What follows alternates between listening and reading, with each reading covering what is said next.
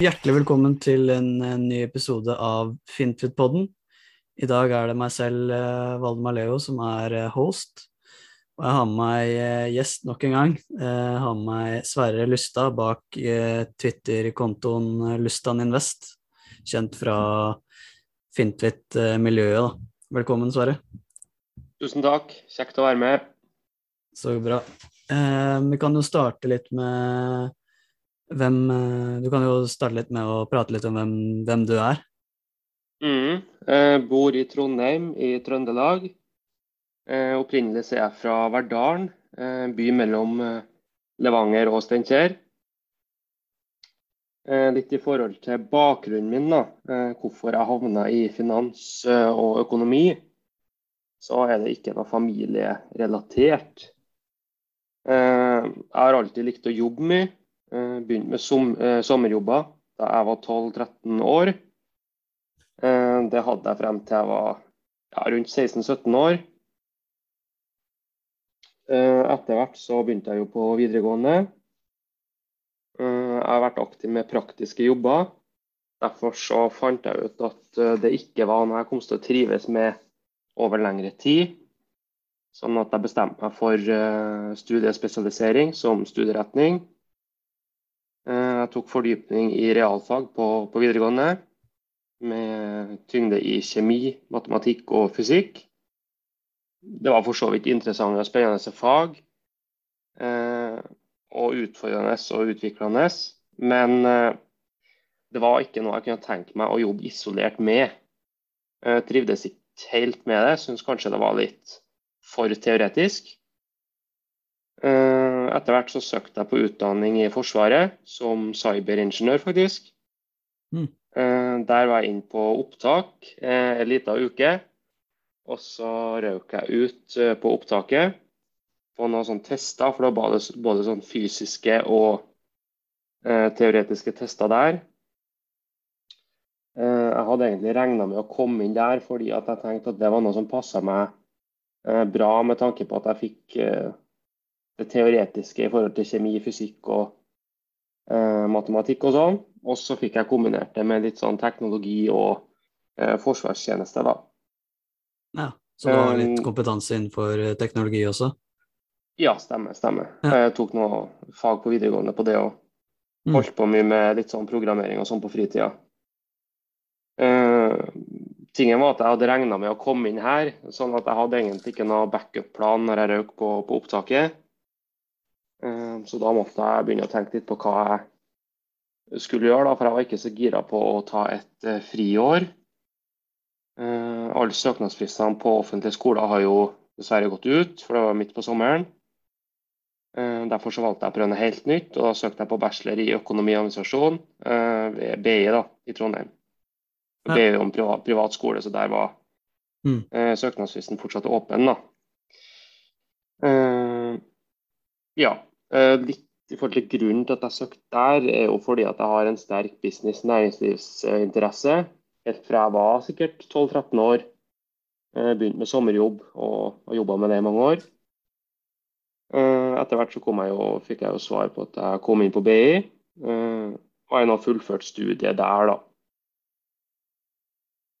Ja, så du, du, er litt sånn Startet litt også sånn som med Mats Johannessen, som vi pratet med i forrige episode, at uh, jobbet en del, men måte man ville finne Fant ut at pengene kunne jobbe for seg selv også. Ja, stemmer. Stemmer. Ja. Mm.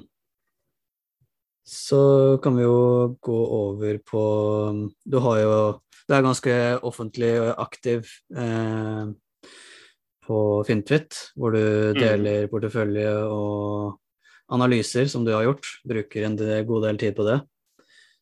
Um, ja, så har jeg jo porteføljen din foran meg her. Der har du jo største posisjon er i Evolution og Facebook, eller Meta.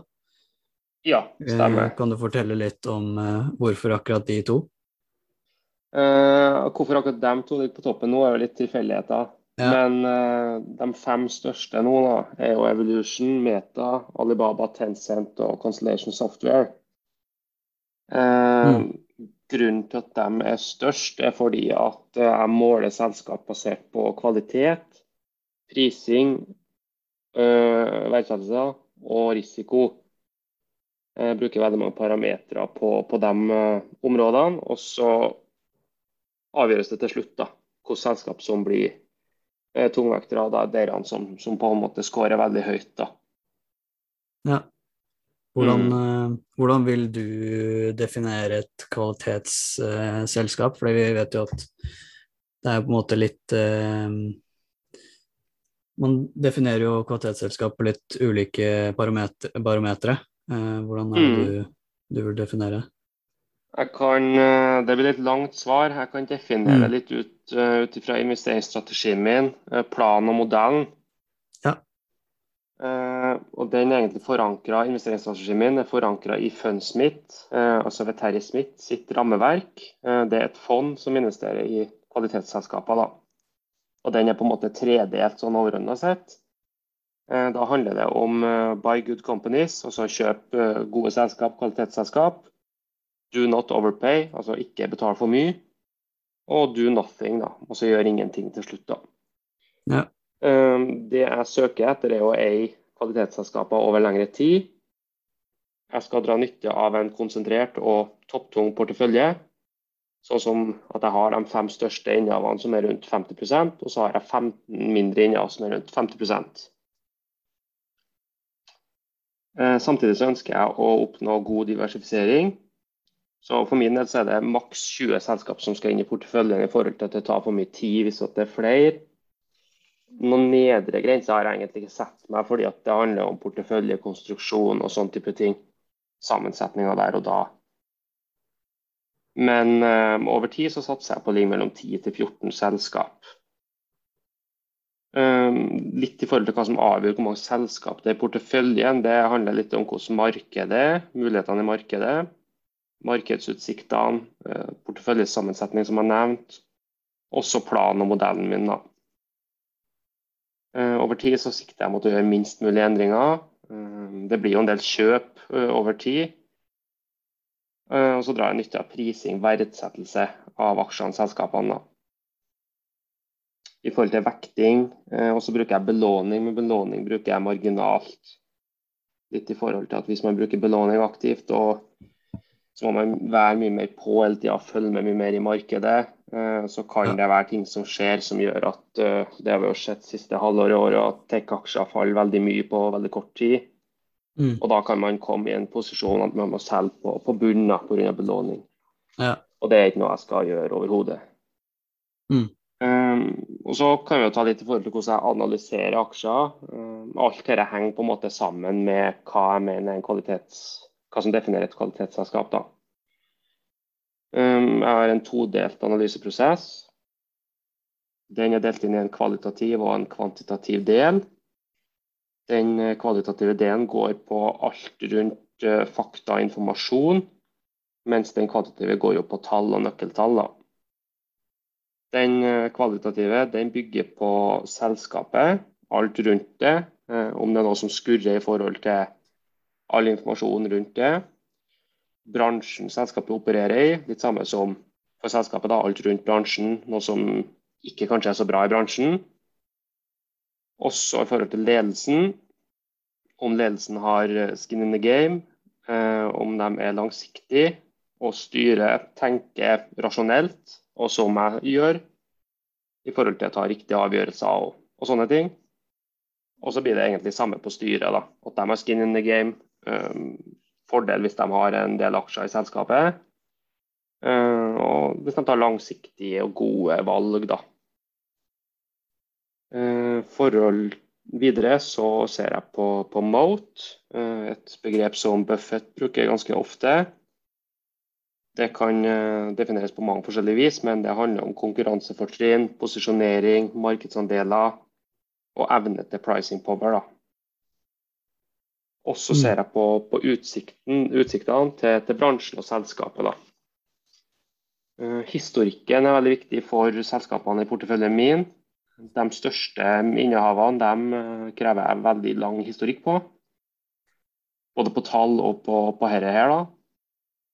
Eh, og så ser jeg etter nettverkseffekter. det er selskap som har ofte flere ben å stå på, eller at de har flere grupper, da, kan du si. Og så ser jeg at det er selskap som har skalerbarhet. Gode muligheter for vekst og utvikling er viktig. Kapitalet, forretningsbusinessmodell, er noe jeg verdsetter veldig høyt. Og den må være sustainable, da. Fra, år, fra år til annet så kan det være veldig kapitalet, så må man se på hva som er tilfellet over tid. da. Forretningsbusinessmodellen må være uh, build to last, har jeg skrevet. Det betyr at uh, den må være bærekraftig og sustainable, den òg. Det må være noe som fungerer over tid. Strategi er viktig. Den må være god, og den må være realistisk. Også litt i forhold til selskapet sine visjoner, misjoner, mål osv. Veldig mange selskap har kanskje altfor høyslåtte tanker om akkurat de tingene, så de må være realistiske. Mm. Ja, sikkert mer òg, men jeg kommer ikke på akkurat nå på det, på det kvalitative. Ja. Eh, når det gjelder, når det gjelder ja. kvantitative, da, så bygger det på, på inntektene og omsetning på, på, veksten der. Også litt i forhold til resultat og veksten der. Eh, også litt i forhold til egenkapital, totalkapital. Eh, totalkapital er jo egenkapital og gjeld, og balansen, da. Eh, jeg ser at det er selskap som har eh, minst mulig gjeld eh, og god og sunn finansiell stilling. da. Sånn at de ikke kommer i en posisjon som ofte vi kan gjøre hvis vi bruker belåning f.eks at de må begynne å kvitte seg med ting, eller ikke får brukt uh, muligheten til å kjøpe opp andre selskap når de burde gjort det, og sånne ting. da. Uh, kommer styrka ut av krisa og sånne type ting. Uh, inntekter og omsetning per aksje, altså topplinjeveksten, er viktig. Resultat per aksje, bunnlinjeveksten er viktig.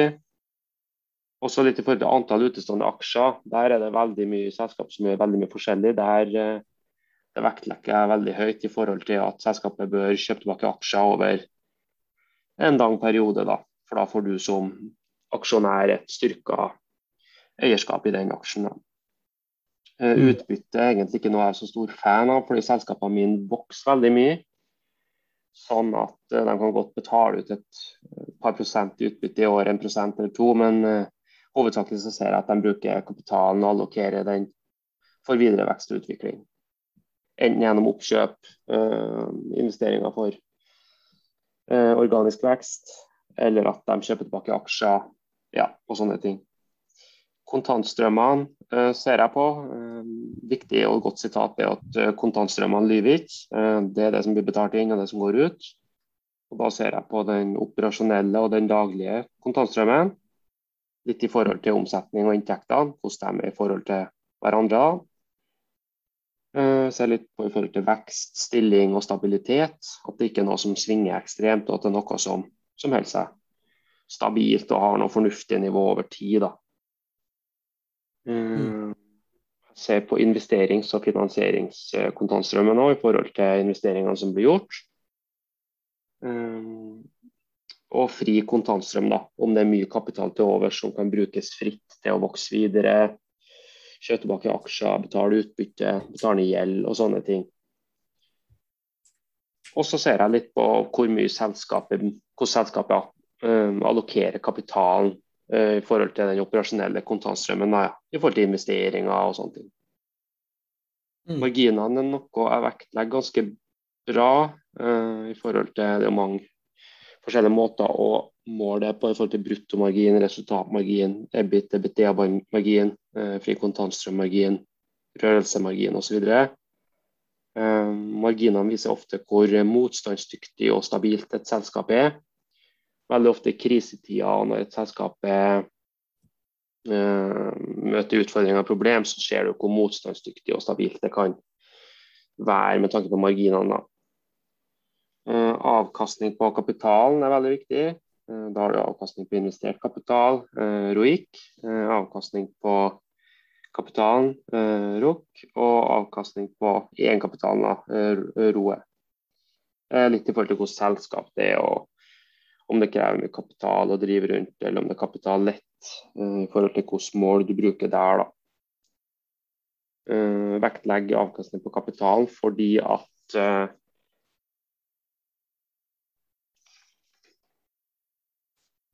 det er hvor mye penger eh, et selskap tjener eh, på kapitalen som er satt i arbeid. Da. Så det er veldig viktig å se på. Ja.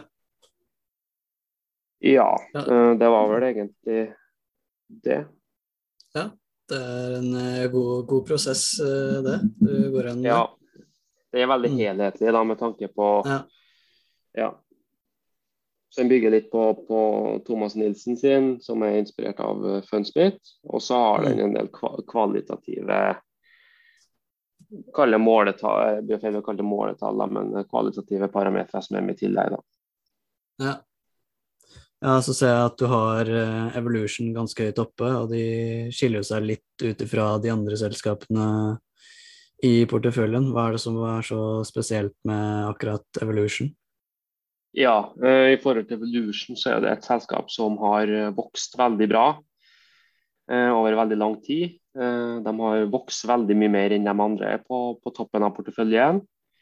Eh, Evolution opererer jo i en bransje som veldig, har vært veldig upopulær i forhold til online gambling og kasinoløsninger.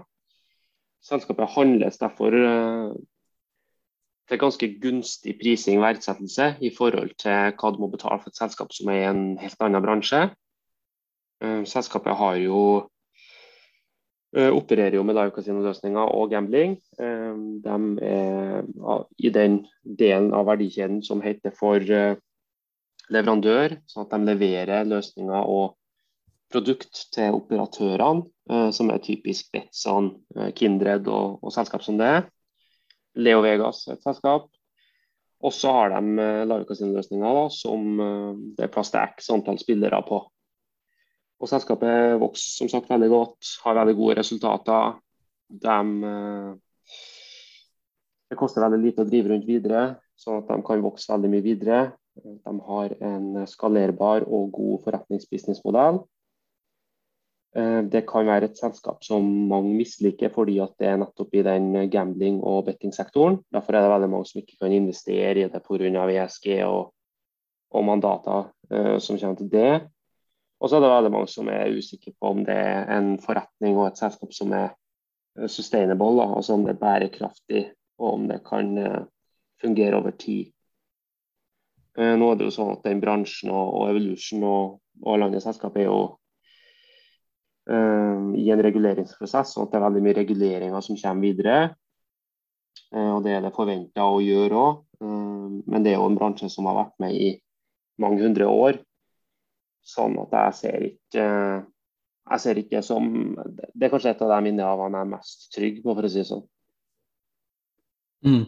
Altså risikoen Også- ligger litt i, i bettingmarkedet og reguleringer, ja. Ja, det Ja. gjør det. Og så er det jo sånn at eh, det er vanskelig å vite om Evolution, men uh, de som er veldig eh, pålest og, og god på, på alt rundt det, sier at de har en markedsandel på 60-70-80 kanskje opp mot ja, rundt 80 maks. da. Og når du har så Mm. stor markedsandel, så har du jo i og for seg monopol. da. Og så er det veldig høye barrierer å, å tre inn i. Eh, hvis man ser utenfra, så ser det ganske enkelt ut, men det er ganske innvikla. Eh, og de har eh, stor beskyttelsesevne. Så du kan si at de har en veldig god mote. Ja. Hvilke, hvilke markeder, markeder er det um, Evolution opererer i? Jeg har sett eh, at Betson eh, har hatt litt problemer, siden de opererer litt i Tyrkia og slike land som har hatt skyhøy inflasjon.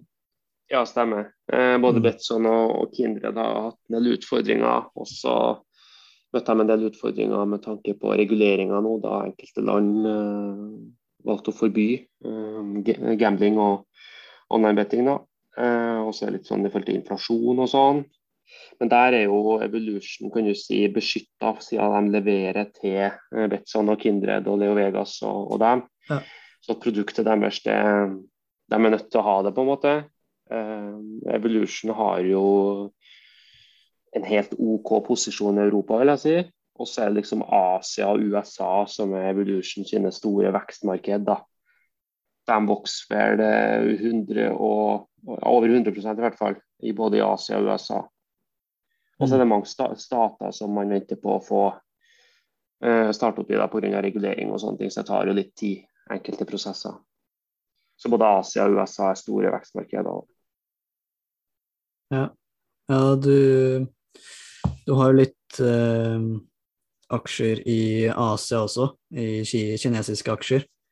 Stemmer, stemmer. og det, det, er jo litt sånn kontroversielt. Hva, hva, er dine tanker om å investere i ja, kinesiske markedet? Stikk motsatt fra alle andre, sikkert. Nei da.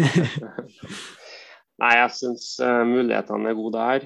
Uh, de kom jo ganske godt ned med tanke på verdsettelse og prising. Alibaba var jo på sitt billigste på børs. Om ikke det var på sitt billigste, så var det nesten sitt billigste. Og i perioden så har jo selskapet seks, sju, åtte dobla omsetninga på, på 10-15 år. De har, eh, resultatene har fulgt veldig godt. Um, selskapet har bygd seg ut fra å være en stor aktør på, på retail, på commerce, uh, til å ta del i både commerce, retail, uh, cloud. Og så har de kommet seg inn på ulike markedsplasser ellers, bredda seg ut og satsa litt ellers i Asia osv. osv. Men selskapene som sagt kommer godt i prising, verdsettelse. Og så leverer de stort sett veldig god kvalitet over lang tid både Alibaba og Tencent, og JD egentlig også. JD er vel det som er JD.com er vel det som er mest nytt av de selskapene, men det som har eh, kanskje lengst vekstbane i utvikling. Og så kan jeg, i forhold til, Det er jo veldig mange som er kritiske til Kina pga. risk. da. Mm. Eh, og Risikoen ligger jo i at eh, kinesiske myndigheter ønsker jo utgangspunktet å bryte opp de selskapene og skattelegge dem mer. da. Nå er vel det satt på is. Eh, jeg vet egentlig ikke hvordan det er akkurat nå, men de gikk vel ut og sa at de skulle sette litt på is. Men jeg har hørt både, både Charlie Munger og, og, Phil Town og Warren Buffett og flere eh, kjente snakke om det. Og de beste selskapene er nødt til å tilpasse over tid eh, reguleringer og politiske og myndighetene sine trekk, for å kalle det det. Så det er egentlig ja. mitt take på det. Jeg ser risikoen. Eh, jeg mener risikoen er prisa inn. Eh, alle selskapene viser ekstrem kvalitet.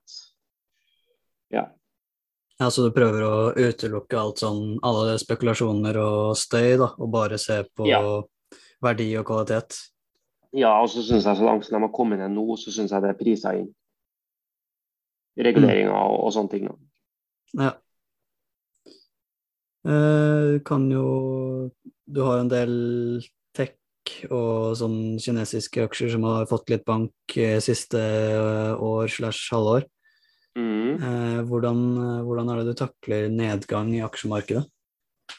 Nei, jeg takler det ganske bra, syns jeg sjøl i hvert fall. Ja. Jeg starta jo helt på nytt med porteføljen når uh, i fjor, i uh, september i fjor, mener jeg var. Og da tok jeg jo inn uh, alle de største jeg har, mener jeg hadde i hvert fall. Uh, har kommet til med en god del mindre selskap under denne nedgangen. Så det har gjort egentlig bare å styrke eierskapet i de selskapene jeg hadde ved start, og har bygd en del nye posisjoner. Uh, ja, jeg føler jeg bygde erfaring på nedgang, fordi at uh, når jeg begynte, så begynte jeg så vidt med aksjer i 2019. Og så kjøpte jeg og solgte litt i starten på 2020. Uh, eh, og så kom jeg inn igjen uh, under koronakrakket. Så jeg har vært igjennom koronakrakket. Jeg har vært igjennom nedgangen i den nye økonomien i forhold til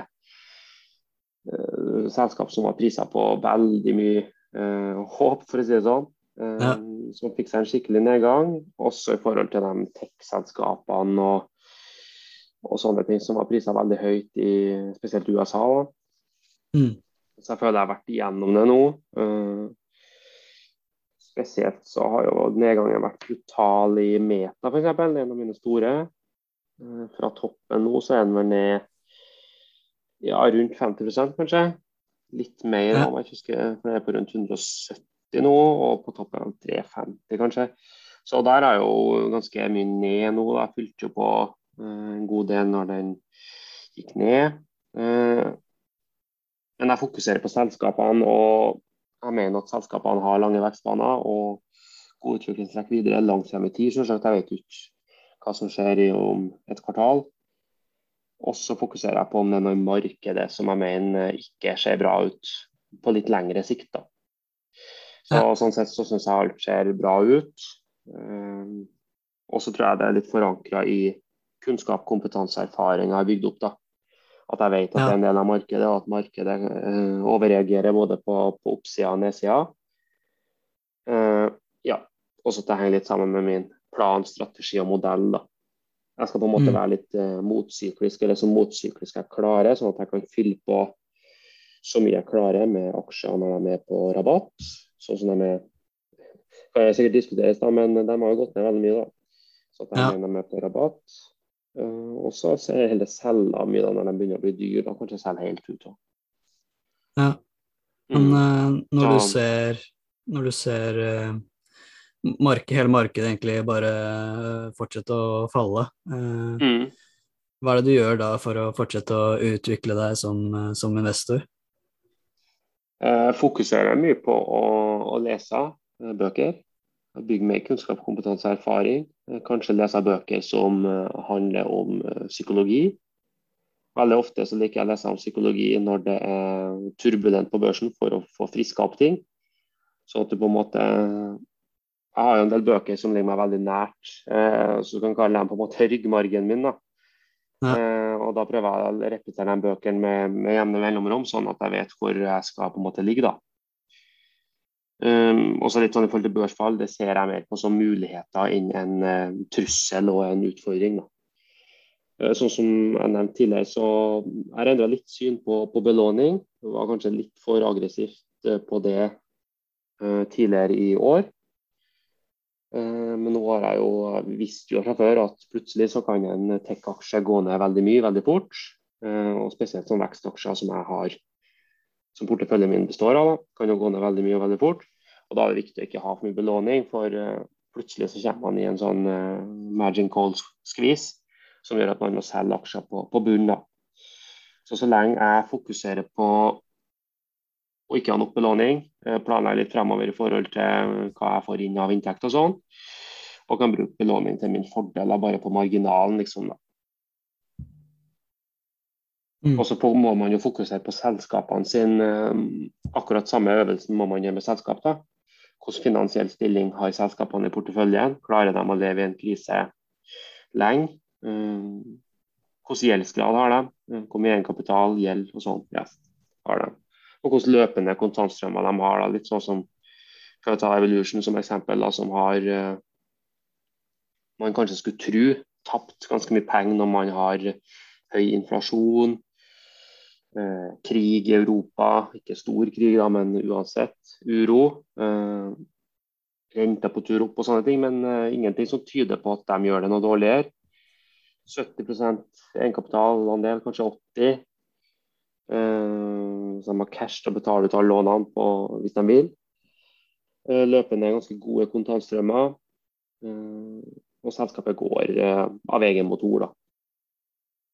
Men så har jeg en del mindre innehav, som f.eks.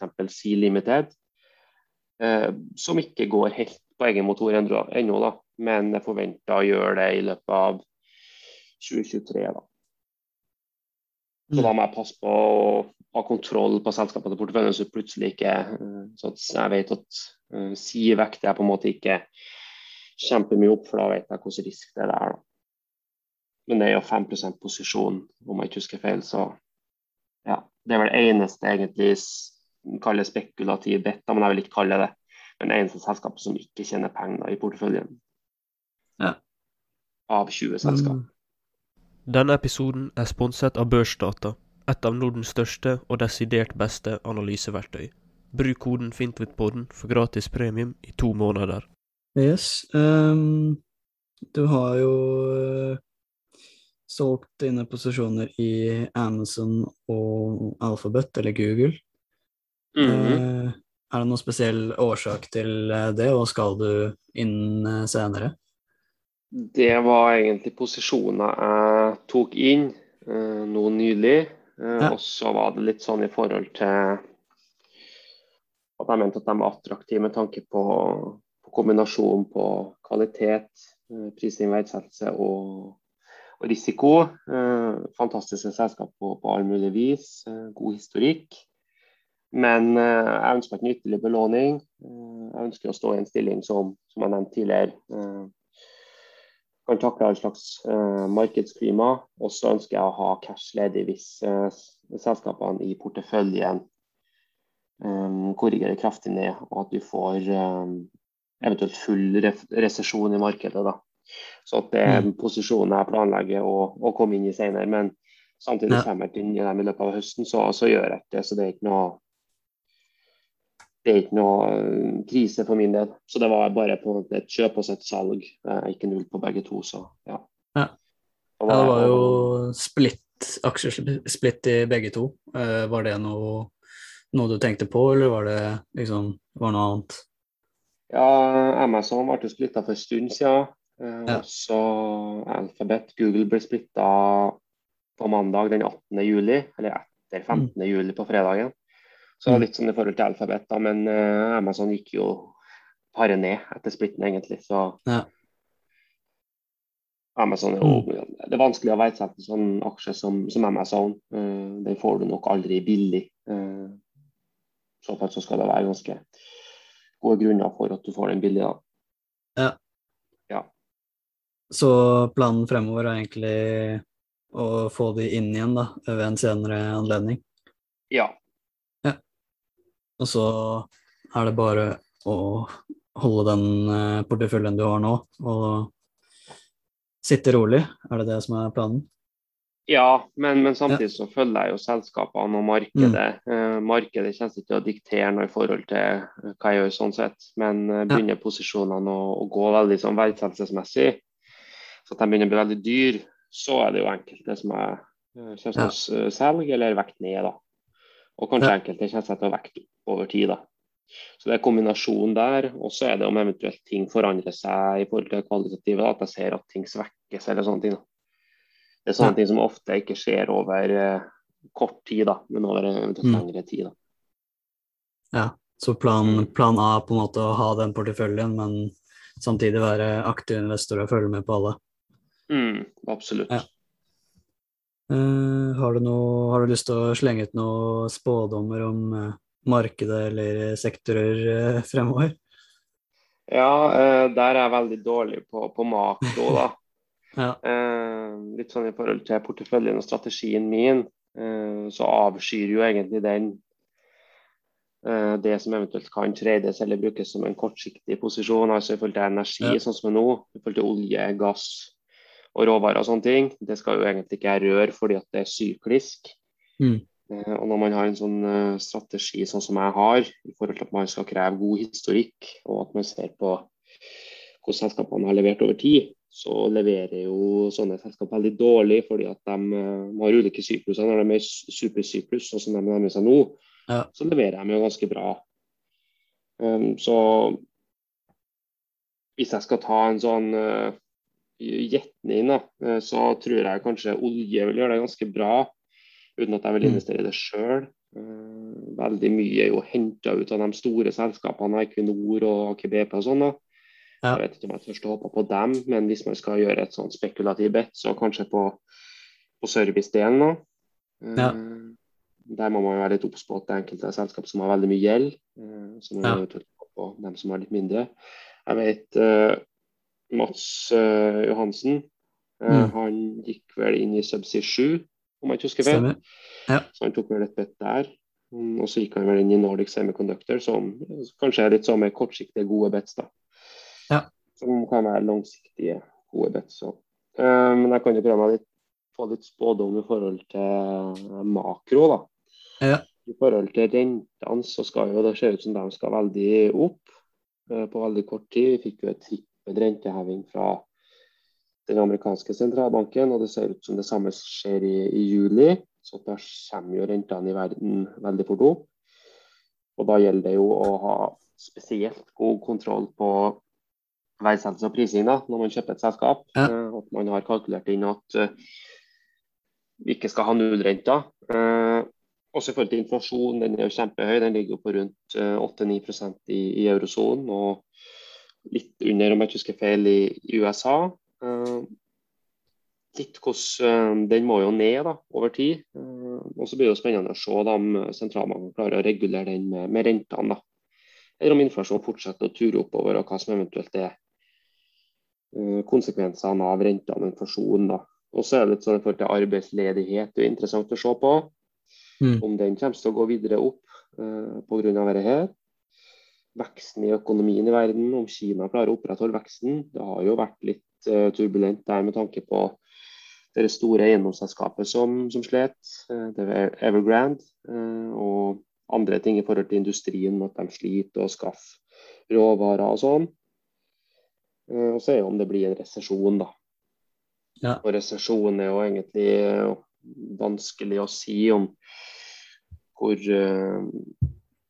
store konsekvenser det blir av det eventuelt. da, Men blir det en uh, resesjon, så er det jo verste som kan skje for, for aksje- og finansmarkedene. Ja. Mm. Og så kan jeg ta litt i forhold til indeksene sin utvikling så langt i år, så er jo Nasdaq, som jeg kanskje sammenligner meg nærmest med. Ja. At jeg har mye tech, uh, og jeg har mye selskap som ligger der, da, på en måte. Den er jo ned rundt 30% i år, så den har jo korrigert kraftig ned. SMP er vel bare ned ja, 19 uh, Det er fordi at verdiaksjer det står jo ganske mye mer støtt akkurat nå, da. Uh, Nasdaq Stockholm, uh, der Evolution bl.a. er lista, Embracer og flere i porteføljen. Mm. Den nå har jo gått ned, ikke 30 nå, da, men et par og 20. Ja.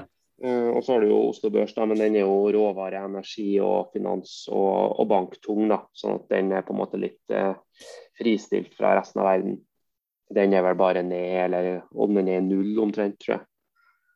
Jeg følger ikke så mye med på Oslo Børs, for det er ingen selskap der som jeg Ja, det er et par da jeg vurderer, men uh, det er ingen av dem som er i kikkert noe nå. Mm. Mm. Ja, du Har du noe forhold til uh, valuta, da, siden du er så investert utenfor uh, Norge og en del utenfor Norden også? Ja, det med valuta er jo ganske vanskelig, fordi at det er vel nesten ingen som tør å spå det. fordi at det er veldig komplekst, vanskelig ja. å si. men en dollarkurs på ti kroner er jo sustainable over tid. Det skjønner jeg òg, som, som, alle andre skulle til å si. Men at den skal ned til fire-fem kroner, det, det, er heller ikke sustainable over tid. Så, så jeg tror kanskje at eh, åtte-ni kroner på dollaren er et fornuftig tall, da. Uh, basert ja. på historikk og, og, basert på litt om, om valuta. Da, og da regner jeg 10-15% tap på det som kjøpes nå, da, hvis jeg skal kjøpe noe nå. Ja. På valutatap. Mm. Uh, euroen så er 5-10 tap kanskje nå, da. Så litt forhold til det, men samtidig så er ikke jeg prøver å spå, for det, det er vel nesten ingen som lykkes med det. Ja, det er vel han eh, Spetalen har vel nevnt at uh, han tror at norske kronen skal uh, veldig mye lenger ned. Ja, OK. ja, så, men det er jo Spetalen, da. Ja. Men du, du, forholder deg ikke så mye til uh, valuta er litt, ja, litt syklisk også, på en måte. Mm. Uh, så, men du tenker ikke så mye over det? Du tenker Nei, mer på er... selskapene du investerer i? Ja, jeg er såpass, såpass langsiktig i dem, de fleste ja. at i hvert fall de fem store, da, og det er jo dem som utgjør og dikterer utfallet for porteføljen. Sånn at uh, selskapene ønsker det så billig at uh, om man får 20-30% valutatap, så er det ikke noe som gjør at jeg blir redd av den grunn. Mm. Jeg tror at veldig mange, eller jeg er ganske sikker på at veldig mange selskaper kommer til å være i porteføljen om tre-fem år. Ja. Og da får jeg eventuelt selge når det er gunstig, da, på, med tanke på valuta. Mm. Så på kort sikt så kan jo sikkert eh, i verste fall dollaren gå ned til Det er jo helt umulig å spå, da, men under finanskrisen så gikk det jo ned til fire-fem kroner. Da. Ja. Da har jeg hatt et valutatap på 56% så det er jo ganske heftig, da. Ja. Mm. ja. Nei, men uh, tenker vi kan runde av der. Det var veldig, mm. veldig interessant og spennende å høre hvordan du investerer. Så takk for at du jo. tok deg tid til å bli med. Takk det samme, og tusen takk for invitasjonen. Yes, så hvis du som lytter har hørt på her nå, så er eh, Sverre aktiv på Fintvit eh, under navnet Lystan Nordøst. Så det er bare å følge han der hvis du har lyst til å følge videre. Så takker jeg bare for at du som lytter har hørt på, så snakkes vi i neste episode.